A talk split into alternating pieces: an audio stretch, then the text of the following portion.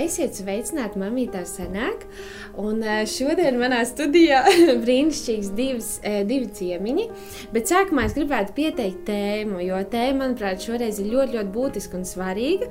Un tēma ir tehnoloģijas un bērni. Un tehnoloģijas šobrīd jau ir kļuvušas, man liekas, par tādu neatņemamu sastāvdaļu mūsu dzīvēs, un jau arī sāk ielavīties mūsu bērnu dzīvēs. Un kāda man varbūt ļaujās savam bērnam ātrāk iepazīties ar tehnoloģijām un kāda varbūt vēlāk. Un šorīt ieliku savā Instagram kontā jautājumus mamam, un man bija milzīgs prieks, ka jautājumu ir daudz. Tas nozīmē, ka mūsu, mūsos mammas ir satraukums, mēs gribam darīt labāko.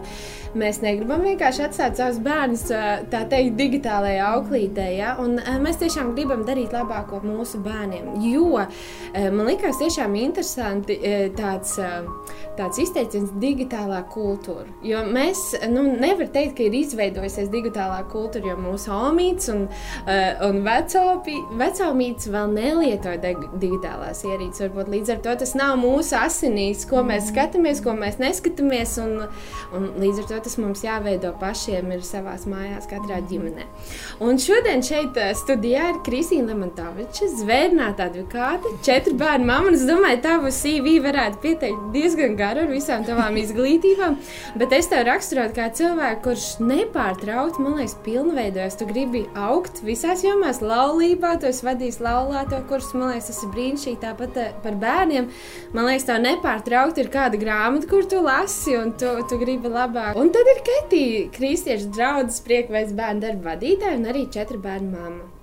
Prieks jūs abas redzēt. Ar tevi jau mēs esam iepazinušās, bet Kristīna, varbūt tu vari padalīties nedaudz par savu ģimeni, iepazīstināt ar sevi un savu ģimeni.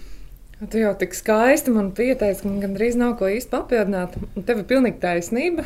Mums ir četri bērni, un laikam tā atšķirība ir tajā, ka mums ir divi lieli un divi salīdzinoši mazi.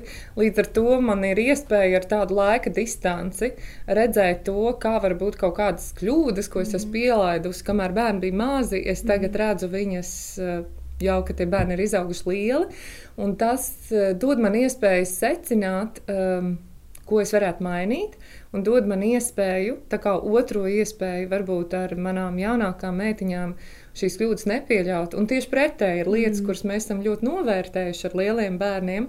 Un es domāju, wow, tas bija forši. Mm -hmm. Un es to varu attiecīgi uh, pielietot arī pie mazajām meitenēm. Jā, varbūt kāds nezina, Samēlam jau ir cik gadi? Samēlam ir 17, wow.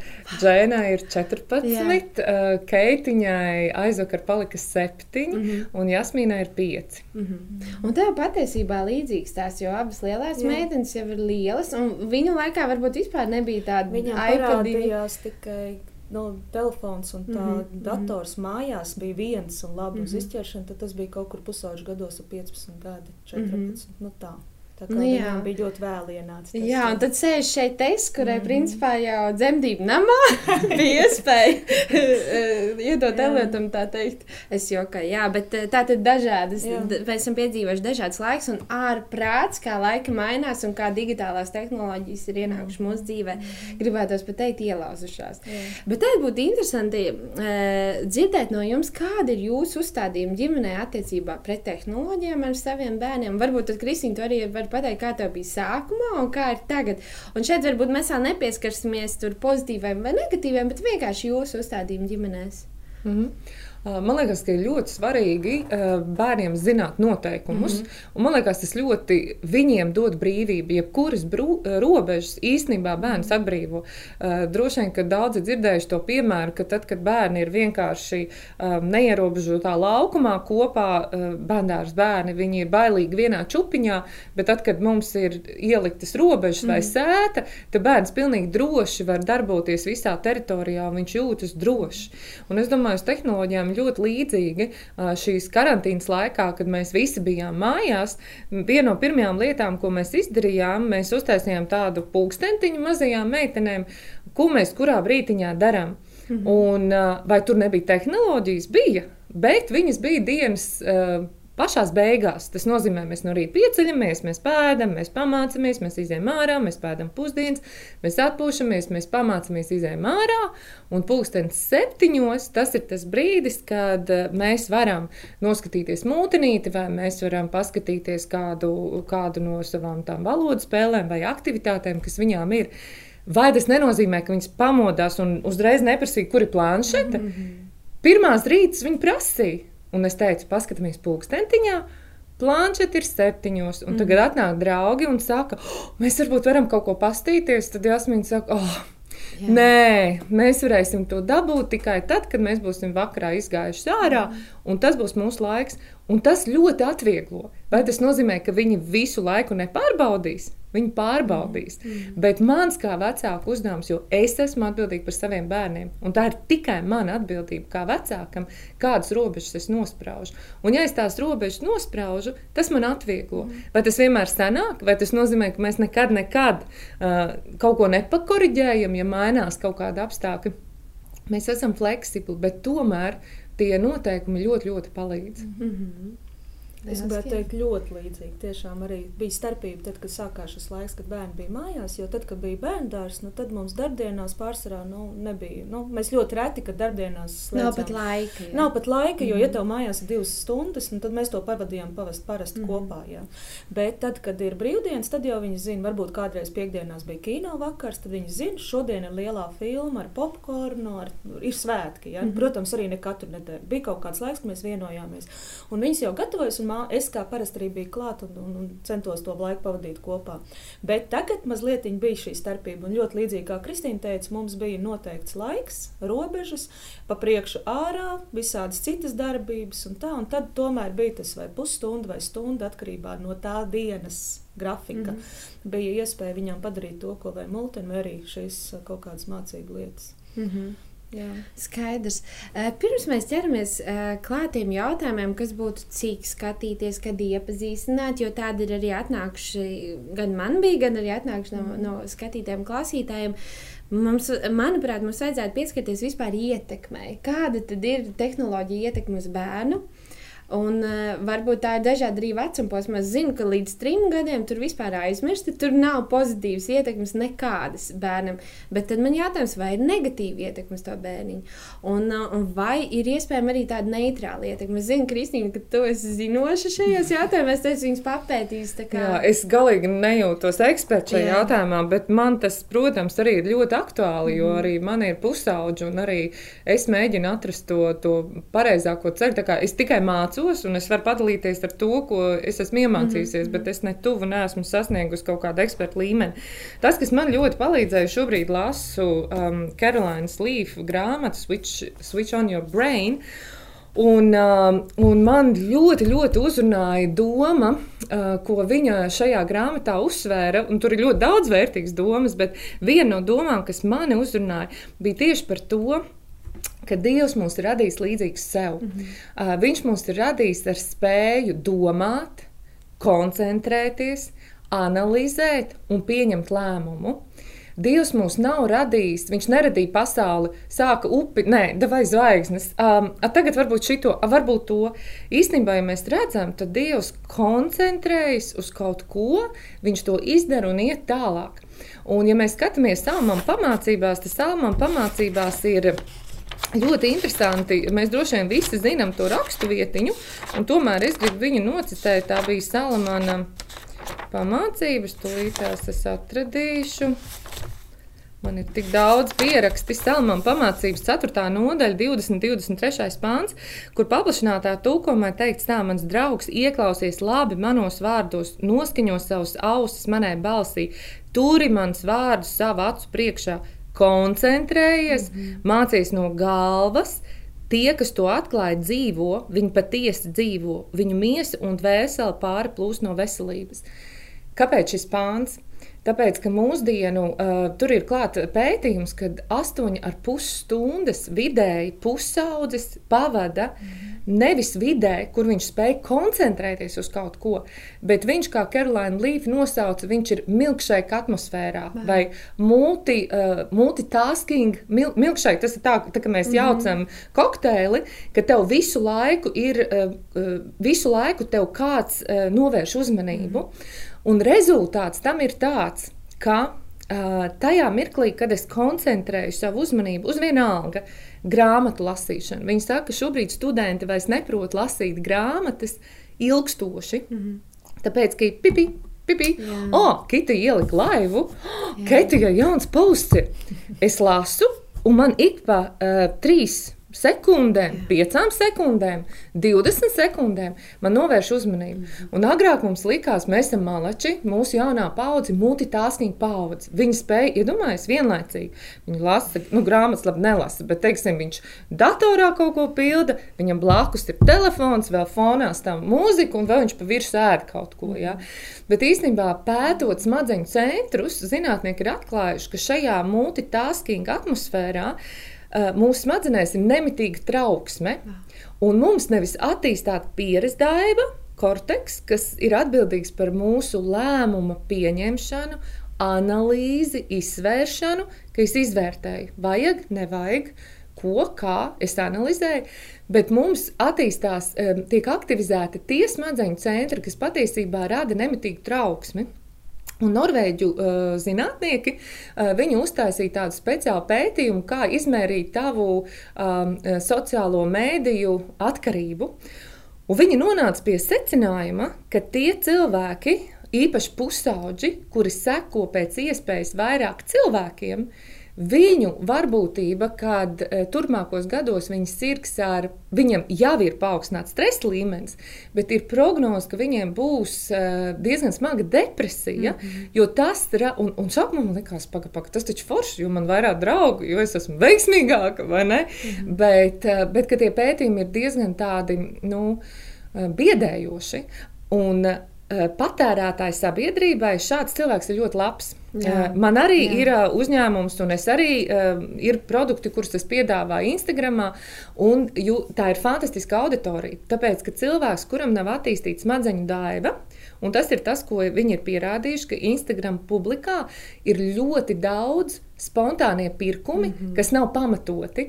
Tas nozīmē, ka šodien Kitija uzvilka fantastisku rekliņu ar Mikīpeli, mm -hmm. tu uzliki laivu, es viņu noskatījos, un tā kā man nav attīstīta domāšanas uh, smadzeņu centri un analīze, es neizspriedu, hmm, varbūt man nav tāds augums, varbūt man nav tāds vecums, varbūt šobrīd man nav finanses tādas, man nav spēja analizēt. Un tas ir tas, kad es to izlasīju, kas radīja man bažīgu. Mm. Jo uh, man ir bijuši klienti Amerikā, kas saka, ka šobrīd jaunieši, kas nāk strādāt, viņi strādā, te ir klaviatūra, te ir telefons, te ir klaviatūra. Un viņi strādā vienlaicīgi tur un vienlaicīgi skatās, kas notiek telefonā.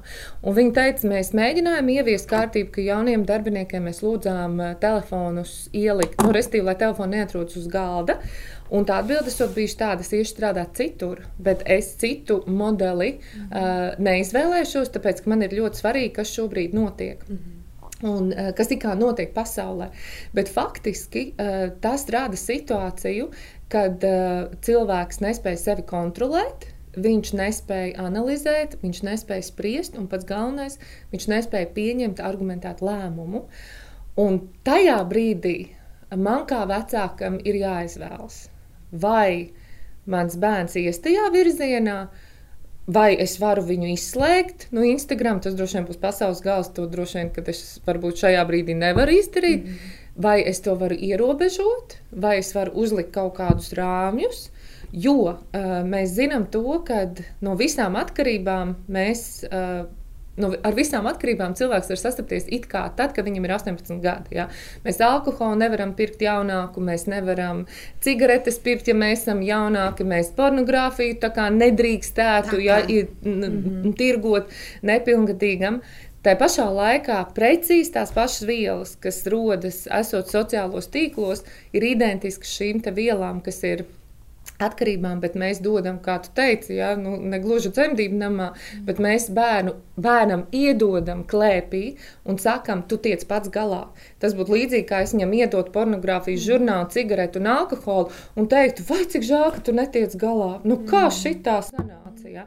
Bet īstenībā tā ir mana vecāka atbildība. Tikpat ļoti, cik es savu bērnu gribu sargāt no pornogrāfijas, Tikpat ļoti man vajadzētu domāt par to, ko es viņā ielieku. Un vēl viena doma, kamēr es neesmu aizmirsusi, kas man arī ļoti uzrunāja. Uz āru no manis nāk tikai tas, ko es esmu savā smadzenēs ielikusi. Ja es lieku iekšā bērnā mašu un medveģi, tad es nevaru gaidīt, ka bērns pret mani mm. izturēsies ar cieņu, mm -hmm. Respektu, vai viņš man parādīs mēli un sāks lēkāt pa gultu. Ja? Un mums kādreiz liekas otrādi. Mums liekas, ka tur tas sejas pļaujas princips nedarbojas. Ja? Mm. Bet faktiski viņi saka, es, es no savām smadzenēm varu izcelt tikai to, ko es esmu intensīvi tajās likusi. Ja? Un tad ir jautājums, kas ir, kas mm. ir tas, kurš liek mana bērna smadzenēs, un arī manās. Ja? Es arī esmu tajos pašos sociālos tīklos, man ir tas pats telefons, ja? mm. bet man ir cits vecums un briedums, kas bērnam vēl jā. nav. Jā. Viņam vēl viņa priekšējā smadzeņu daļa nav attīstījusies. Līdz ar to es nevaru prasīt no bērna tādu atbildību, ar kuru reizēm es pati cīnos.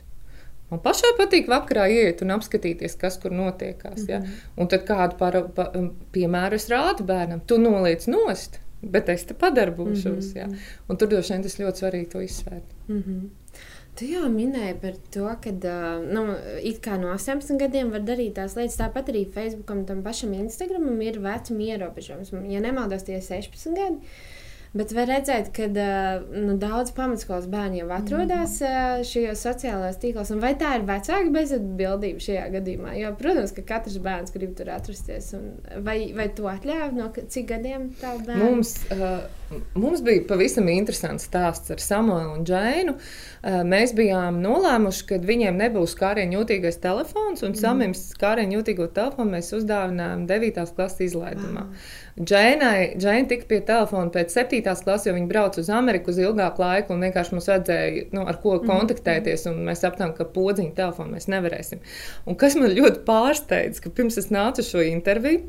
Es, eh, mēs ēdām brokastis, visi pie galda, un es teicu, ka man būs jānāk pie Kitijas. Un, nu, es atceros, ka mēs bijām sliktākie vecāki pasaulē.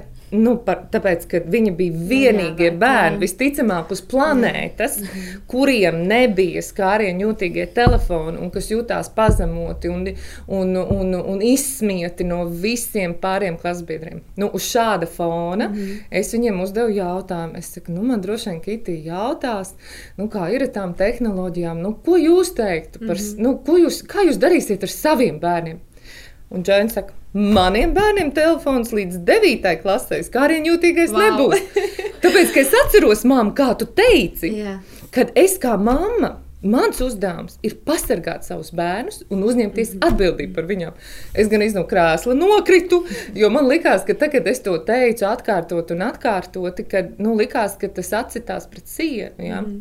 Bet es domāju, ir svarīgi tam bērnam nevis pateikt, nē, mm -hmm. bet pateikt, kāpēc nē. Mm -hmm, uh, mums ir samām šobrīd ir Instagram konts, bet viņš vairāk ir uh, tāds kā kā viņš saka, tāds profesionālais tons, jo viņš tur liek tās savas bildes un savus video, un viņš tur kaut ko darbojās tajā savā jomā.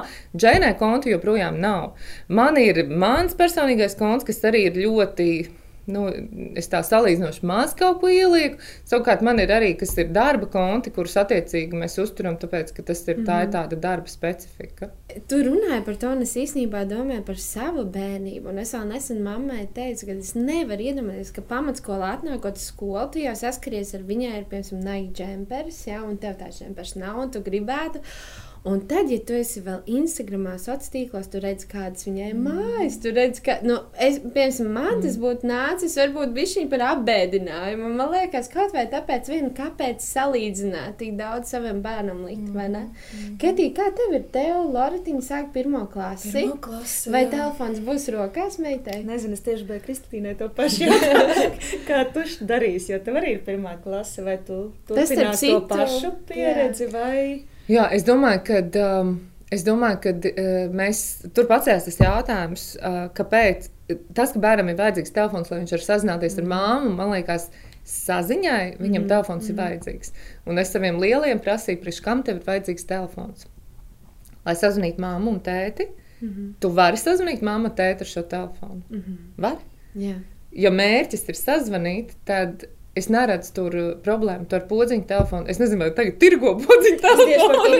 Tas bija laika atpakaļ. Es, man, es vēl domāju, man vēl divi mēneši laika ir padomāt līdz skolai. Ja? Bet uh, tas, ko es Pagaidām esmu priekš sevis noformulējis, bet tas ir pagaidām. Redzēsim, Jā. kā būs septembrī.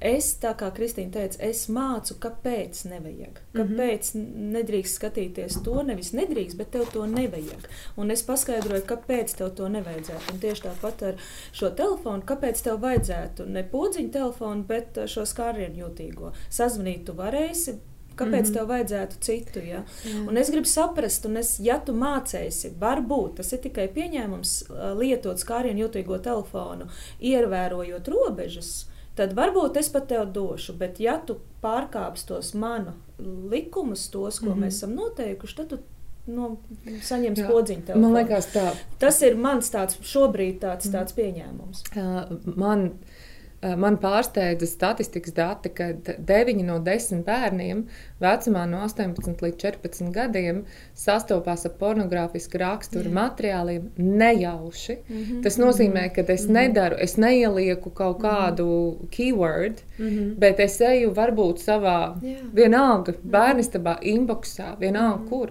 Jā. Un šī informācija man izlaiž ārā. Un es domāju, te atkal ir jautājums par to, vai, vai tas bērns spēj izšķirt. Mm -hmm ka tas ir labi vai slikti, Jo tas, ka viņš neizbēgami ar šo informāciju sastapsies, vai mēs varam visu mūžu viņu pasargāt? Nē, mm -hmm. bet vai es varu mācīt viņam, ko darīt? Ja? Ko darīt? Mums bija situācija, samā, man liekas, tā bija trešā klase, kur vecāks sapulcē viena māma dalījās, ka viens klases puika bija iedevis viņas puikām uh, adresīti, un, viņa, un tas puika atnāca tāds neizpratnē mājās un teica, māmu, nu, tas tur, tas, nu, vienalga, Jānīts, um, iedeva, nu, to linku, mm -hmm. tu vari pastīties, es nemāku ielikt. Ja? Un tā mamma teica, nu, visu, ko es redzēju, bet kaut ko tik smagu. Ja? Es, es, viņa saka, man prātā nenāca. Mm. Un tā ir trešā klase. Mm. Ja? Un es domāju, nevienmēr tas ir tā ļaunprātīgi. Ja? Bet, bet tad ir jautājums, es ar to bērnu, ja es viņu pasargāju, cik es varu, un tomēr man ir viņam jāsaka, mm. ja tu redzi lietas, kuras mēs parasti otram cilvēkam nerādām, Tāda tavs uzdevums ir nevis iet tālāk un skatīties, bet tavs uzdevums ir aizvērt ciet un pasargāt savu sirdi tajā situācijā. Jā, Jā. tieši tā, jo tas arī līdzīgi kā es savām meitenēm, ja es iedodu telefonu vai planšeti, mm -hmm. piemēram, skatīties kaut ko, es jau esmu runājis par to, ka var būt šāda satura. Jā. Jau jā, 4 mm -hmm. un 7 mhm. gadu vecai meitai paskaidrojas, ka ir lietas, kuras ir cilvēki, kas tās lietas publicē, kas tās lietas rāda, un ja tev kaut kas izlaiž, uzreiz sauc mammu, jā. un tad jau beigās bija tā, ka viņas sauc pie katras mazās kaut kāda ziņojuma, jā, bet man bija labāk, kad viņas mm -hmm. sauc, nevis pašas kaut ko spaida, bet es ļoti gribēju veidot šo uzticību, ka viņas pašas saprot, ka man nevajag to, lai nerodās. Un arī es viņām teicu, ir reizes, ka tev pašai nepatīk tādi skati, vai nu, es domāju, varbūt kaut kas nu, priekš viņām nu, jau kaut kāda nobīties, jau nepatīk. Mm -hmm. ja? Un ļoti svarīgi ir, ka es kā vecāks mācu viņam, ja kaut ko tādu redzu, jā, tad, tad momentā sauc mammu, vai, bet es arī nedodu, jā, šajā vecumā vēl nedodu vienkārši telefonu stundu, viņa aiziet projām. Es esmu blakus. Jā. Tomēr es visu laiku ar vienu acu kontrolēju, Jā. ko viņa skatās. Man ļoti patīk, viena mamma bija uh, ierakstījusi tā, ka uh, bērns un te, nu, viņa bija arī kāda veida speciālists, es tādu vairs neatminēšos, kad bērns un tehnoloģijas ir tā, kā mēs skatāmies bilžu albumu. Līdz septiņiem gadiem mēs bērnu paņemam klēpī un mēs Jā, skatāmies fotoalbumu Jā. kopā. Un arī līdz septiņiem gadiem, varbūt es zinu precīzāk, līdz 15 minūtēm, vai tas bija mazākiem bērniem, ka tas laiks ir noteikti ierobežots. Mm -hmm. Un ja vien tā ir kaut kāda va, dators vai telefons, ja tā nav mūsu uzlikta konkrēta mūte, tad mēs esam blakus Jā, līdz tam vecumam. Mēs jau pieskārāmies vairākām, vairākiem dažādiem tādiem aspektiem, kurus mēs vēl pacelsim. Bet man bija liels pārsteigums runājot ar skolotāju, kas patreiz arī aktīvi māca skolā. Viņa teica, ka vairs starpbrīžos nav vajadzīgi tādi dežuranti vai tādi, kas pieskata bērnus un vairs nav tie skaļumi. Jo, zināmā mērā, man starpbrīdis saistās, ka wow! un viss ir skaļš. Viņi saka, viss ir klusi, skola ir klusa, gaitiņi ir klusi, bērni sēž un skatās telefonus. Un daudzi arī tieši skolā gaitiņos iepazīstās ar pornogrāfiju, ar, ar dažādām lietām, ko mēs negribam, lai mūsu bērns iepazīstās. Bet tam mēs vēl pieskarsimies. Eh, bet tāds nākamais mans ir, ko arī mamma saka, kad, cik gados man iepazīstināt ar pirmo mūteni. Es zinu, ka man pašai arī man bērniņš cēlās 6 no rīta, un tas divgadnieks vai 1,5 gadnieks, ja, un viņam varbūt tā uzmanība bija ļoti maza, bet tev likās, nu varbūt tās 10 minūtes uzlikt to mūteni. Kā jūs tagad teikt? Un kad, kad iepazīstināt, jā, bērnu ar to tehnoloģiju? Nu, tas šajā, izp... mm. nu, mhm. šajā gadījumā tā būtu noteikti kaut kāda mūka. Nu, man laikam pēc divi gadi es tikai sāku ar tādām ļoti naivām mm -hmm. multinītiem, un arī laikam kopā, tikai kopā ar mani. Es vienmēr kontrolēju, ko mēs skatāmies, bet tās bija tiešām pāris minūtes, nu, kur skaita vai alfabēts vai krāsiņas, kaut kas Dziesmiņa, tāds - dziesmiņas. Mm -hmm. Es domāju, vai ir vajadzība, jā, nu, vai, jā. vai kāds attīstības psihologs vai kaut kāds ļoti liels profesors teiktu, jūs ziniet, ja divos gados jūsu mhm. bērns nesāks spēlēt planšeti un nesāks skatīties televizoru, nu būs traki. Tad būs traki. Jā. Es domāju, ka tā nav. Mm, ja? Mēs jau gribam iedot to planšetu un to datoru tieši tā, kā, kā tu teici. Ja? Es esmu nogurusi, mm -hmm. pūkstens ir seši no rīta, man ir zīdainīts, kur varbūt es visu nakti barojusi, un tad pamostās mans divgadnieks, un man ir vai nu es sajūtu prātā, vai nu es viņam iedod planšetu. Un tajā gadījumā Es noteikti būšu no tām mamām, kas teiks, labāk, mamīt, lai tev sanāktu, mm -hmm. labāk uzliec viņam lai tu vari izgulēties. Varbūt tev ir brīdis, kad tev vajag vienkārši iet vannā. Varbūt tev vajag ieiet, lūgt un, mm -hmm. un savākt savas tā, domas. Tas nebūs nekāds grēks, bet jautājums ir, ko es viņam iedodu mm -hmm. un cik mhm. daudz. Nu, es neesmu katru rītu krīzes situācijā, es neesmu jā, katru jā, dienu krīzes situācijā.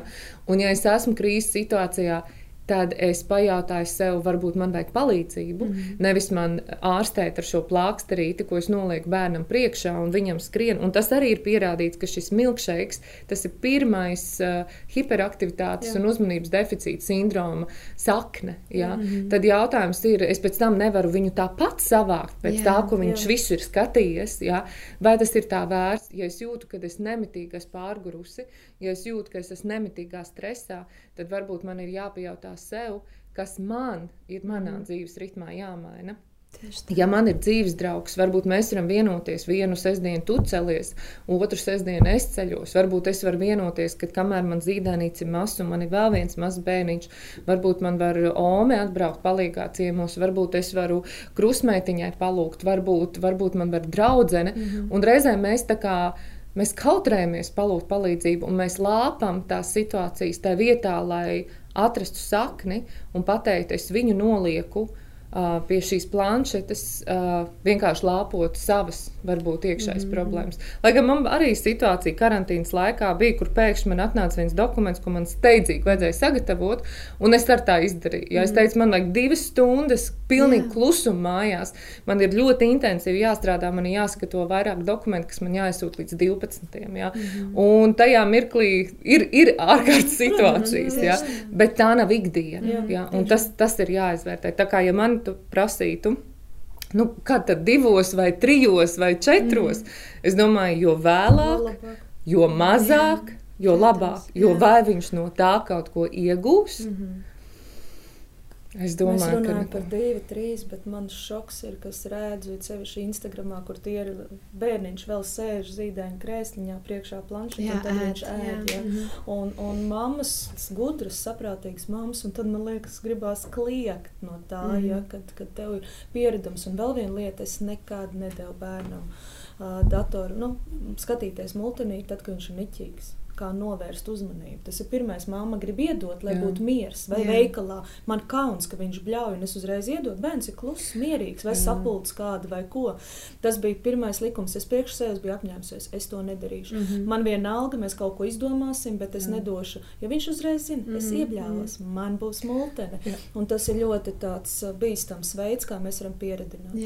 Un tas, kas ir sliktākais, ka viens ir tas, kas veidojas ieradums, otrs ir tas, kas bērns iemācās. Mm. Viņš aug pa pusaudzi, man ir slikti, ko man vajag ekrāniņu. Mhm. Man nevajag sarunu, Tieši man Jā. nevajag. Jā. refleksēt savas, Jā. savas domas, pārdomas, man nevajag sarunāties.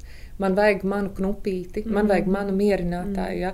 Mūsu laikos varbūt bija saldumiņš, ko mamīte Jā, iedeva, jā, jā, jā. un iedeva saldumiņu uzreiz bija.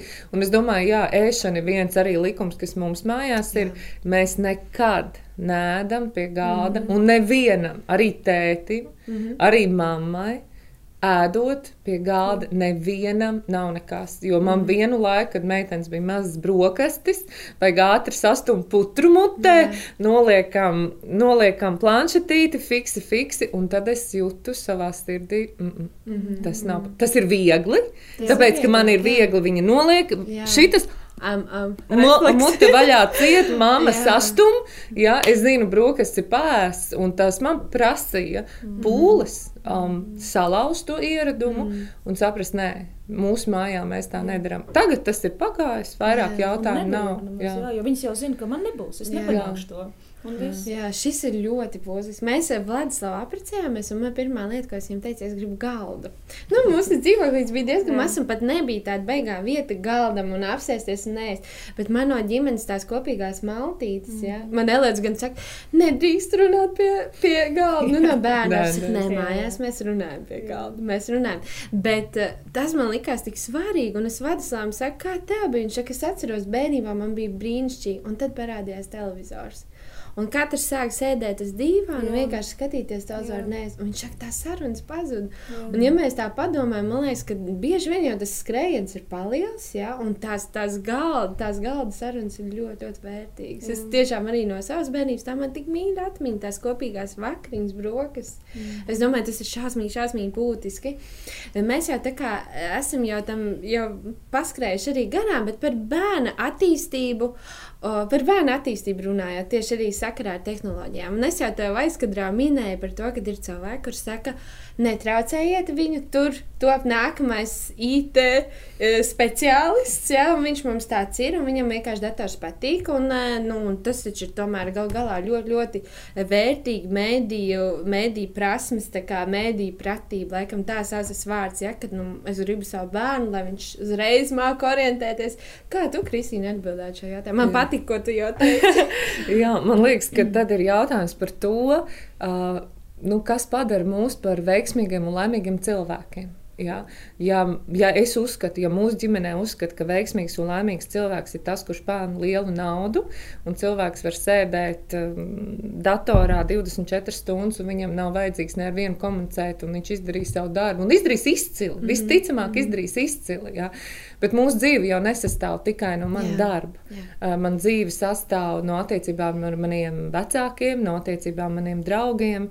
Man dzīve sastāv no attiecībām ar laulāto, kas vienu dienu būs vai nebūs, neviens Jā. Nezinām. Jo, ja mans laulāts draugs ir mans dators, jā, tad jautājums, vai man vispār viņu vajadzēs, jā, un vai es spēšu ar viņu veidot attiecības. Jā.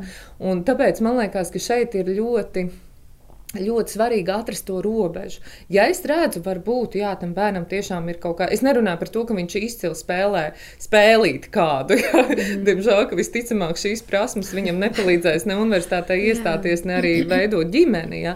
Bet, teiksim, ja viņam ir kaut kādas nu, fenomenālas programmēšanas prasmes, kas nav nevienam citam. Jā, Es tevi apsveicu, tas ir brīnišķīgi, bet arī mm tam ir robežas. Kāpēc? Mm. Tāpēc, ka tev vajag fiziski būt veselam, tu nevari sēdēt, tev ir jābūt garīgi veselam, Jā. un tev ir jāspēj komunicēt. Šobrīd, man liekas, lielākā problēma, ko atzīst ļoti daudzi, kas ir jauniešiem, viņi neprot Mm -hmm. Telefoniski sarunāties vairāk, mm -hmm. negrib sarunāties. Es aizsūtu īziņu. Jā. Mm -hmm. Kāpēc tu nepiezvanīji? Bet es aizsūtīju īziņu, es uzrakstīju Vācijā, es aizsūtīju mēsīču. Ja? Mm -hmm. Un tās prasmes, bet viņas vajadzēs. Un tad jā, jautājums, vai mēs būsim, vai mūsu bērni būs tā milzīgā masa, kas nespēs neveidot attiecības. Džēna man teica, mamma, Es esmu vienīgā, kurai nav telefona, līdz ar to es esmu vienīgā, kas mēģina ar kādu starp brīdī parunāties. Ja?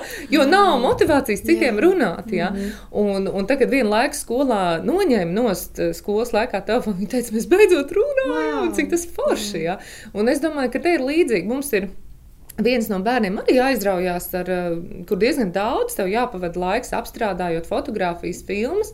Bet tad mēs sakām, to tas ir forši, ka tu to dari. Mm -hmm. Bet vispirms ir prioritātes mācības, pēc tam tev ir jāizdara tās lietas, ko mēs darām visi ģimene kopā. Un, ja mums paliek laiks, jā, Tas ir tik daudz, bet vakarā mums ir visi datori un visi televizori stāv Neviens, nevienam guļam istabā nekas neatrodas. Mm -hmm. Visiem ir lejā koridorā vai, vai lejā virtuvē. Ja, kontaktu tas naktī nevienam nav. Un jā. mēs arī mājās, ko izdarījām, es domāju, tie vecāki, kuriem ir šādi, šādi jautājumi, teiksim, mm -hmm. bērns tiešām talantīgs.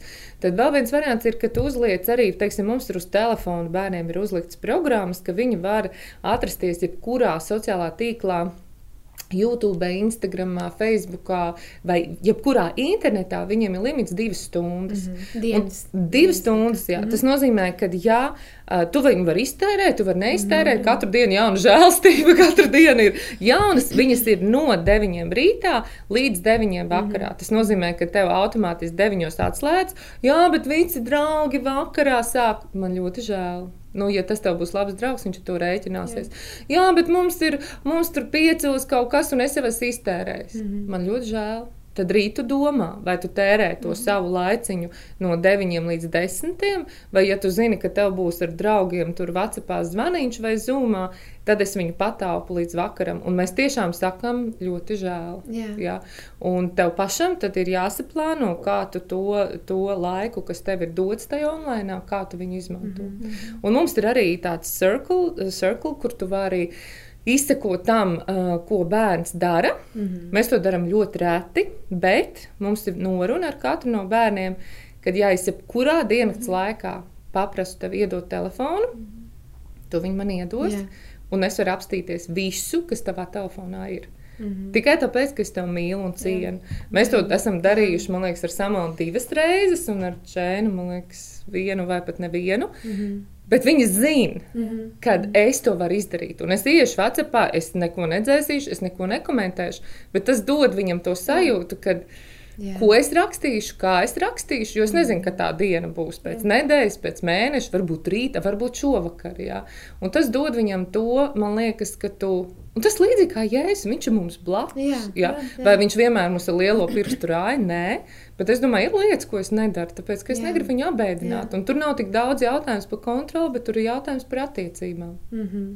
Mhm. Jā. Tev ir ko piebilst? Jā, ļoti līdzīgs darīja ar vecākām meitām, ja, kad viņām arī bija, viņas zināja, viņām ir laika limits. Ja, nu, tajā laikā nebija varbūt tie sociāli Instagram tik daudz. Mm -hmm. Tad viņām bija stunda dienā, iztērē kā viņi grib. Man nebija vēl programmas toreiz, ka varēju uzlikt, bet viņi zināja stundu dienā, es pat nu, uzticējos, ka mēs ievērojam to stundu. Un tad, kad viņas bija nācis mājās no skolas, viņas vienmēr izdarīja pa priekšu savas lietas, kas jāizdara, mājas darba, kaut kādi pienākumi. Tad uh, viņas izmācījās, tad viņām bija arī, mēs norunājam, ka mēs arī atrodam laiku Dievu vārdam, ka mēs izlasām Bībeles lasīšanas plānu, un tad, ja tā stunda tev ir palikusi laika, tad pat iztērē kā gribi pie mm. datora vai filmu skatoties, multfilmu, bet arī, protams, kontrolējot. Un otra lieta bija, es jebkurā laikā varu paprasīt tavu telefonu, jebkurā. Un tāpēc nākamā pieredze tagad būs ar šīm meitām, jo audzes ir ļoti strauji šīs lietas Jā. un ļoti attīstās. Ja? Piemēram, viņām nav jāmāc tehnoloģija. Es biju šokēts.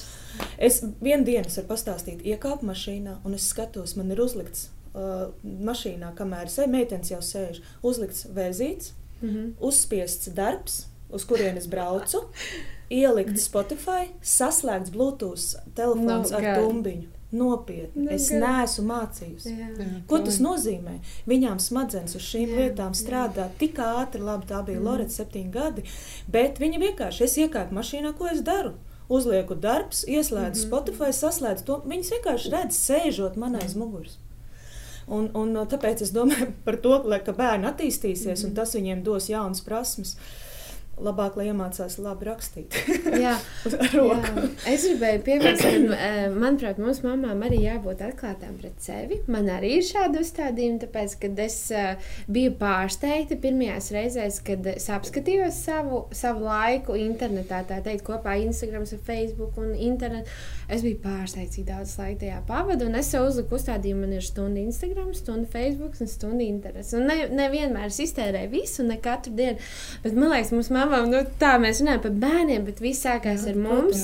Un man tas ļoti, ļoti palīdz. Jo tad, kad es saprotu, ka, wow, ir divi, un man jau stunda pagājis, nu, kitī, nu, tur kaut kas nav forši. Tu nepaspēji izdarīt to, tu nepaspēji atbildēt viņam, bet stundu tu esi pavadījis šeit. Un... Interesanti, ka es strādāju no mājām pāris dienas, un man ir tiešām dators priekšā. Telefons mm. blakus, ja? un tas ir mans darbs, bet viņas zina kad mamīte mm -hmm. strādā.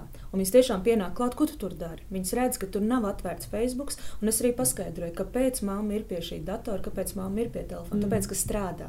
Un arī bērniem ir svarīgi pastāstīt, ja, kad mm -hmm. es ko es daru pie tā datora, nevis viņam liekas, mamma laiku pie telefona. Ja. Yeah. Tavs meitas saka, ka tā mamma laika lasa bībelīti. Nē, Tāpēc, tu vienmēr saki, lasa bībelīti. Nē, es, tas, es lasu bībelīti. Jā, nē, pēc bībelīti. Tā, man tomēr, un arī godīgs, kaut bērnu dēļ, arī jā. es tomēr lasīju mm -hmm. papīra bībelīti. No arī mhm. dēļ acīm vispārējo, priekš kā mēs jau tā pavadām daudz. Centos mm -hmm. tomēr atvērt, lai viņas redz, ka mamma lasa tādu mhm. bībelīti. Mm -hmm. Uh, jā, nu, šī ir tāda skaista stāsta tā kā sākums. Es domāju, nu, mēs tā kā vairāk arī koncentrējamies uz mazajiem bērniem, mm. bet ir mamma, kur saka, viss, manas pusaudzes ir datorspēļu atkarībā. Es nezinu, kā viņam palīdzēt, es, es nezinu, kā ar to tikt galā. Kā mēs varam, ko mēs varam ieteikt, ko, ko, ko viņai darīt. Viņa var tā uzreiz vienkārši nogriezt, pateikt, nebūs tā dators izfarķēt ārā, kā, kā tur rīkoties. Es domāju, pirmkārt, mums kā vecākiem ir jāmāk atzīt, uh, kad es kaut ko palaidu garām. Mm -hmm. jo, ja man bērns šobrīd ir tajā vietā, kur viņš ir, es kaut ko esmu palaidus mm -hmm. garām. Yeah. Un tas, nav, un tas nav arī jāslēp. Es kādreiz, es, reizēm es kaut ko izlasu jaunu, un es saprotu, kaut ko, kā es minēju, brokastis un planšetīti. Kaut ko es esmu darījis nepareizi. Un tas nav nekas Es esmu tikai cilvēks. Man patīk, kā Karolīna Līfa teica, ka nākošā lieta pēc dieva visā universā, universā ir mana spēja domāt un pieņemt lēmumus. Tas nozīmē, ka es esmu nonākusi līdz šim brīdim, kad es esmu to pamanījusi, mm es to sapratusi. Es apzinos, ka es kaut ko dzīvē neesmu izdarījusi. Kaut ko varbūt palaidu garām, mm varbūt viņam pietrūka uzmanība, kāpēc viņš to smēlās tur. Un es varu apsēsties un es varu teikt, paklau, tu zini, Es tikko noklausījos Kitijas raidījumu, un, un man kaut kā jūtas, ka svētais gars man uzrunā, mm -hmm. ka mhm. kaut kas, kaut kas nav kārtībā mūsu ģimenē prioritātēm. Un, zini, Man liekas, ka mēs varētu censties ar šodien darīt kaut ko jā, savādāk. Super, jā. Viena lieta, ja tas bērns ir pietiekami liels, tas arī pašiem bērniem prasīja. Kā tev šķiet, kas būtu samērīgi? Mēs varam sākt to pamazām. Es nevaru viņam atņemt, bet es varu aizvietot tās lietas. Ja mēs dodamies kaut kur, bērni vienmēr ir, jā, viņš sākumā negribēs, un viņam, nu, Patiesībā, ja tā ir reāla atkarība, viņam jāmeklē profesionāla palīdzība. Ja? Bet, bet tas pirmais solīts ir teikt, ka man liekas, ka kaut, kaut ko mēs esam palaiduši garām, ko mēs varam kopā darīt, mm lai to situāciju mainītu.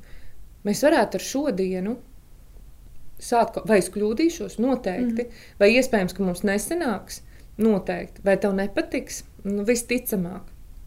Bet es tiešām jūtu, ka Dievs man ir pirmkārt devis atbildību par tevi. Un es tevi ļoti, ļoti mīlu. Un tāpēc, ka es tevi mīlu, un tāpēc, ka es gribu, lai tu dzīvē vari piepildīt to, ko Dievs ir paredzējis piepildīt.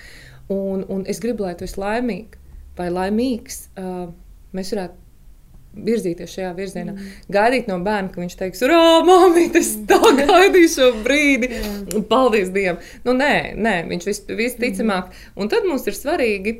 Um, saglabāt to. Tā kā es minēju, kā, kā es Džēnai ar Samuelu to teicu, ja, un tajā mirklī viņa nebija priecīga. Ja, viņa joprojām uz katriem Ziemassvētkiem, uz katru dzimšanas dienu, un, un joprojām stāstīja, ka tam bērnam jau ir tāds, un mm. tam bērnam jau ir tāds iPhone. Bet tu paliec konstanti tajā, tajā savā nostājā un solīti pa solītim. var virzīties. Varbūt mēs varam sastādīt plānu. Es neatņemu, bet es cenšos aizvietot. Jā. Varbūt tā laikā mēs esam kvalitatīvi, ja tam bērnam patīk ļoti, um, nezinu, braukt ar riteni. Mēs varam braukt ar riteni. Es nevaru aizbraukt uz darbu uz deviņām stundām jā, un jā. pateikt, ka šodien tu vairs pie datora nepieķersies. Jā. Nu, tas droši vien nebūtu pareizi, bet es varu mēģināt uh, to laiku kompensēt ar kaut ko citu. Tagad ir vasara, tagad bērni var strādāt, bērni var, nu, es domāju, tie, kas ir lielāki pusauģi, un, un varbūt es varu paņemt vēl kādu kādu māmu palīgā, varbūt viņai ir bērni, varbūt viņi var iemācīties iet ārā, spēlēties, mm. daudzīties, un es varu spēt to aizvietot ar kaut ko citu. Bet tajā pašā laikā es gribu teikt, mums nevajag kristiešiem baidīties arī meklēt profesionālu palīdzību, ja viņi ir vajadzīgi. Ja? Mm. Tas nenozīmē, ka es esmu slims, tas nenozīmē, ka man nav ticības, tas nenozīmē, ka es, es man nav pietiekama spēka paļauties uz Dievu. Es esmu, kur es esmu, un es tā mēģinu saprast, kas, kā es to jautājumu varu vislabāk risināt. Bet viņš ir izcināms jautājums. Mm -hmm. Jā. Šajā nedēļā man sanāca nostīties dokumentālo filmu, kas ir par cyberbullying, kas ir tieši nu, kas ir, te, teikt, apcelšana smagā formā tieši digitālajās platformās. Un, uh, Tas man lika ļoti aizdomāties, jo tieši tie bērni, kuri tika apcelti, viņi bija nodevuši vairāk informāciju, kā vajadzētu, jāsaka, kādos sociālajos tīklos, ar ko viņi tika pēc tam šantažēti un apcelti. Un, un nevienmēr tā varbūt būs kaut kāda nepiedienīga bilde, vai kas varbūt vienkārši viņš tiks apcelts. Ja? Bet man likās ļoti interesanti, ka pārsvarā tie apceltie bērni bija bērni bez uzmanības, bērni bez mm. mīlestības mājās un bez tādas. Um, Jā, vienkārši mammas rūpē par viņu ikdienā. Un es domāju, tas eh, mēs varam runāt smuki par ierobežojumu, visu, bet galvenais ir tas pamats, par ko mēs arī runājam katrā sērijā. Eh, tāpēc galvenais ir tās. Vai ne? Tas mūsu pamats un, un, un mugurkauls, kā mēs viņu saucam, un, un to mūsu ikdienu. Labi, nākamais jautājums būtu. Uh, jā, viena mamma saka, Kristīne jau arī uh, padalījās ar, ar, ar šo jautājumu, kad mans bērns ir introverts. Un man ir grūti, man ir grūti, nu viņš saka, ka viņam skolā nav draugu, viņš atnāk mājās un tur viņš rod to, to pieņemšanu, tur viņš jūtās vajadzīgs, tur viņš jūtās kā savējais. Nu, ko man tagad darīt? Noņemt viņam nos, kur viņš jūtās kā savējais, kā lai es viņam palīdzu? Nē, nu viena lieta, ko es esmu ar lielajām meitenēm, ka tu esi tas, kas sāc draudzēties. Tu mm -hmm. pirmais sāc izrādīt interesi, tu pajautā, kā tev iet, ko tu vēlies. Protams, tu, kā Kristīna teica, ja viss sēž telefonos, tev nav ar ko runāt. Mm. Bet vienmēr būs kāds draugs, un arī tas ļoti labi, ka ir šeit draudzē mums iespēja vairāk komunicēt ar cilvēkiem, ka viņš nav viens pats. Mm -hmm. Piemēram, skolā -hmm. varbūt viņš nejūtās tik labi. Bet arī es, ko darīju, es aicināju draugus mājās savā meitene, teica, aiciniet draugus pie sevis mājās. Un tad viņas jutās, ka viņas ir noteicējis šajā atmosfērā. Un, uh, mums izdevās diezgan labi arī. Es varēju līdz ar to arī zināt, ko viņas dara. Mm -hmm. Mēs vienmēr, tad, kad nāca draugi, mēs nebija tas, ka viņi skatās uzreiz, iet pie datora un spēlē spēlīti. Ja? Yeah. Bija arī draugi, kas nāk, vai paņemam kaut ko tādu. Es saku, mūsu, nu, mierīgi arī pārējiem pasakot, darām tā, jums ir draugi atnākusi, tagad telefoniņus nost, šis ir laiks jums mm -hmm. draudzēties. Un arī mazajām meitenēm tagad tieši tas pats. Mēs tagad draudzējamies, un tas ir tāds process, ka viņas mācās. Jā, bieži vien ir kāds ir aizvainots, kāds ir palicis viens, paķer manu telefonu, kurš turpat arī mm -hmm. citreiz stāv un aiziet kaktiņā. Es saku, nē, nē, nāc, ir padod man telefonu, mm -hmm. reku, tev ir draugi atbraukuši, skrien spēlējies, jā, un jā. tu jūti, ka viņš to telefonu paķēra, jo tikko bija atraidījums saņēmis. Jā. Un man tas ir jāpamana. Man bez atļaujas telefonu bērns nedrīkst ņemt vai planšeti. Ja?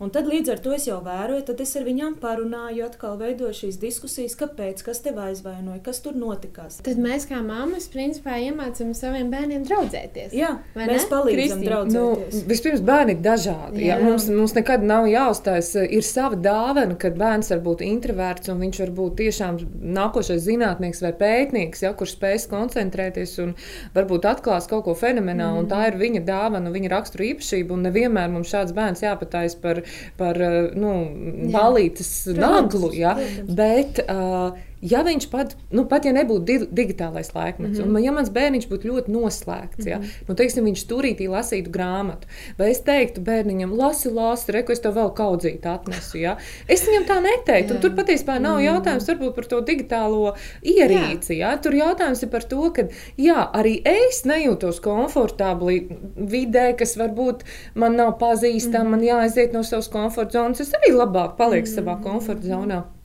Bet jautājums ir par to, ka dzīvē viņam šī prasme būs vajadzīga. Jā. Ja? Man te nav jāpatājas par ļoti ekstravertu cilvēku, bet es varu tev mācīt kaut kādas prasmes.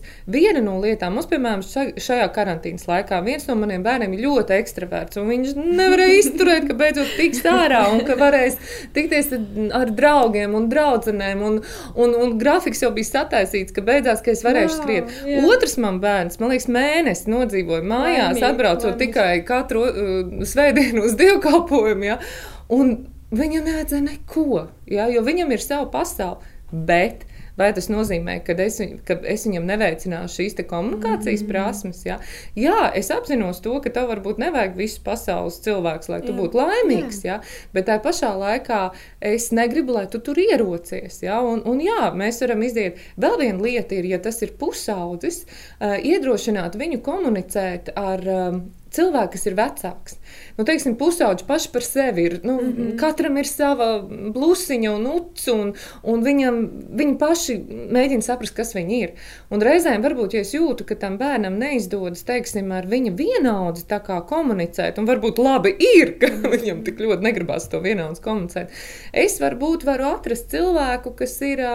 Kas ir Vecāks, ja, kas varētu, nu, teiksim, mums vienam no bērniem bija, viņš iesaistījās draudzē vienā no kalpošanām, ja, un viņam vairs nebija tik aktuāli, ka, teiksim, klasē, kur bērniem ir ļoti daudz Jā. dažādas problēmas, mm. kur, paldies Dievam, viņš vispār nejūtās piederīgs, ja, Jā. bet viņš to nokompensēja ar to komunikāciju Jā. ar cilvēkiem, kas ir nobrieduši, cilvēkiem, kur mērķis, kuri atkal saskatīja viņā kaut ko Super, tādu jā. būtisku, mm. ja, un tad varbūt es nemaz, nu, tādu 14, 15, 16, varbūt man nevajag pa visu vāru, jo es vienlaikus biju nobežījusies. Man liekas, nu kā, nu taču. Mm -hmm. Bet es domāju, Tā kā man viens skolotāja teica, māmiņ, jūs varat būt laimīga, kad, kad, kad viņš necenšas iet ar visām jā, saknēm super. tajā pasaulīgajā mm. vidē. Ja?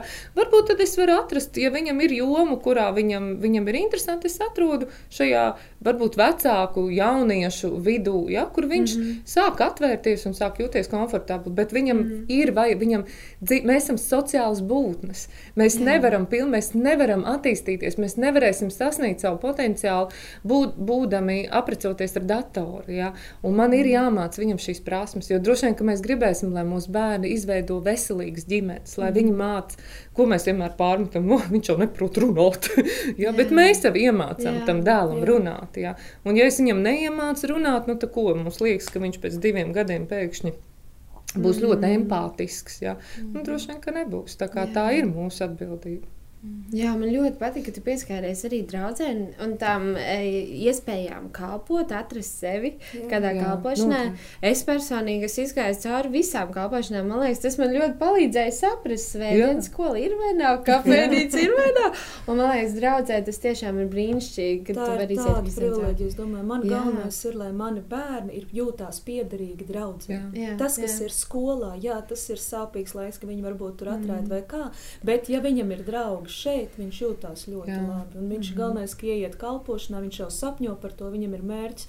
Manuprāt, par to man visvairāk jāuztraucas. Mm -hmm. Labi, mēs tā kā tādu smagu artilēriju esam izrunājuši.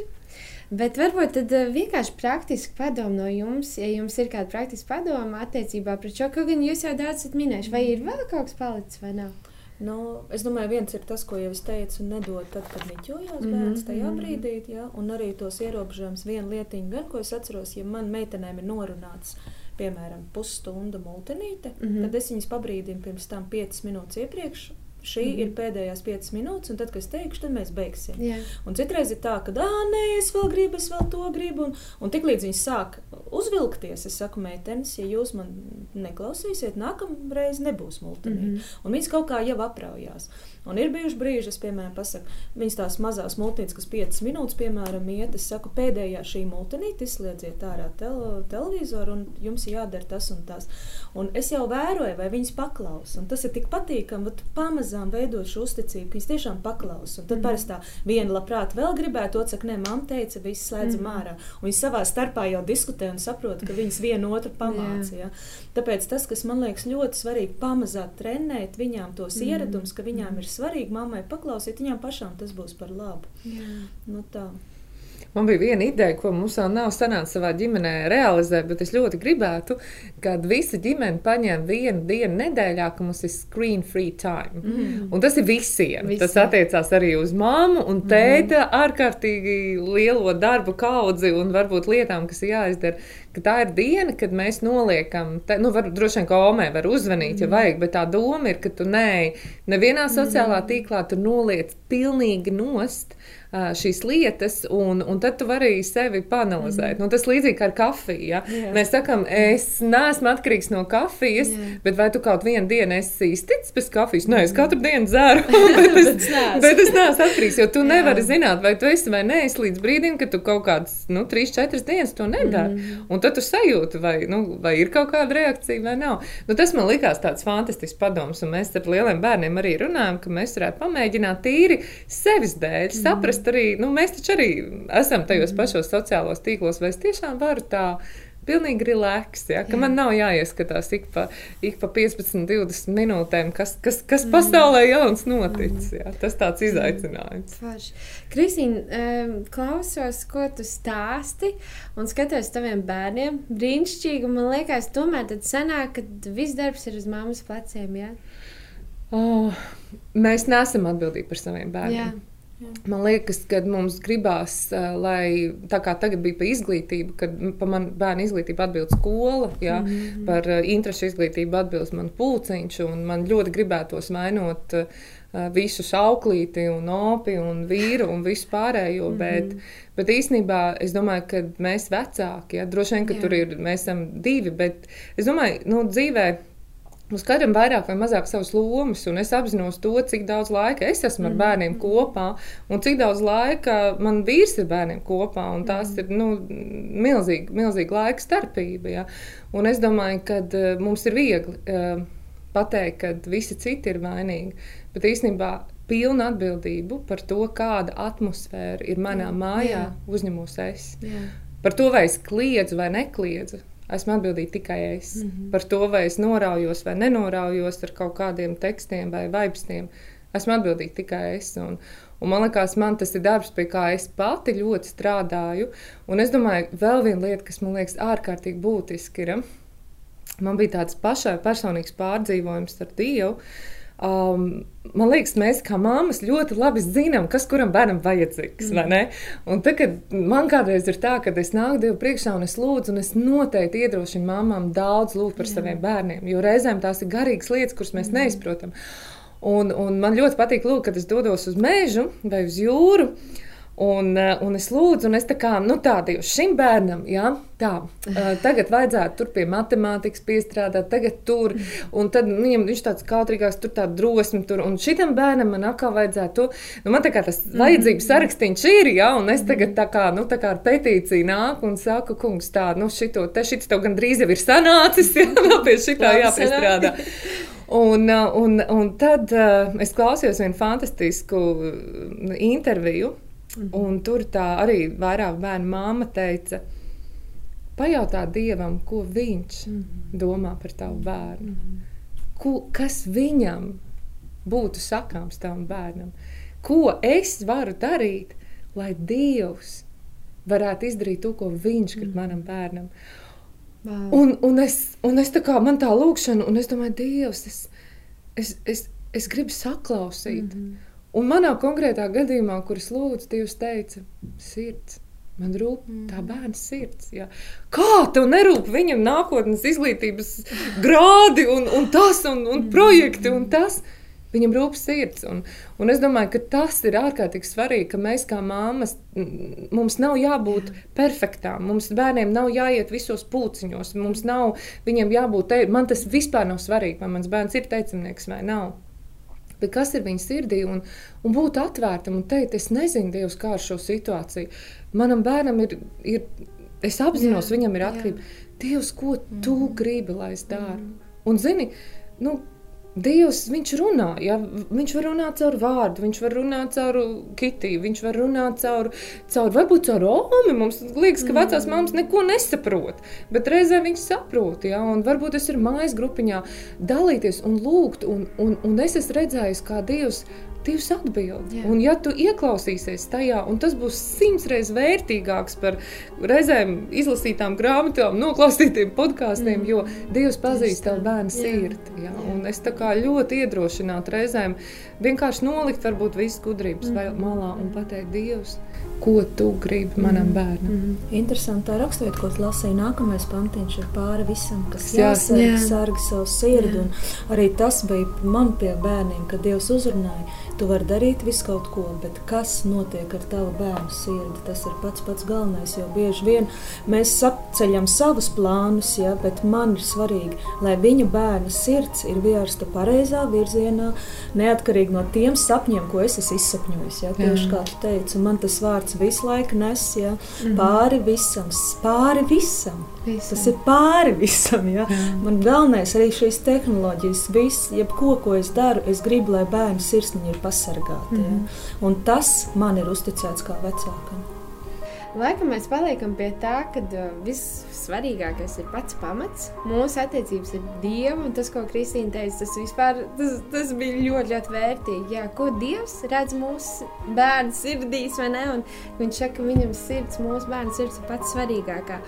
Un jā, tad uh, tiekamies nākamajā reizē un atceramies, ka uh, mazie bērni attīstās kustībā, nevis uh, uh, ierīcēs. Jā, tā, tā, tā.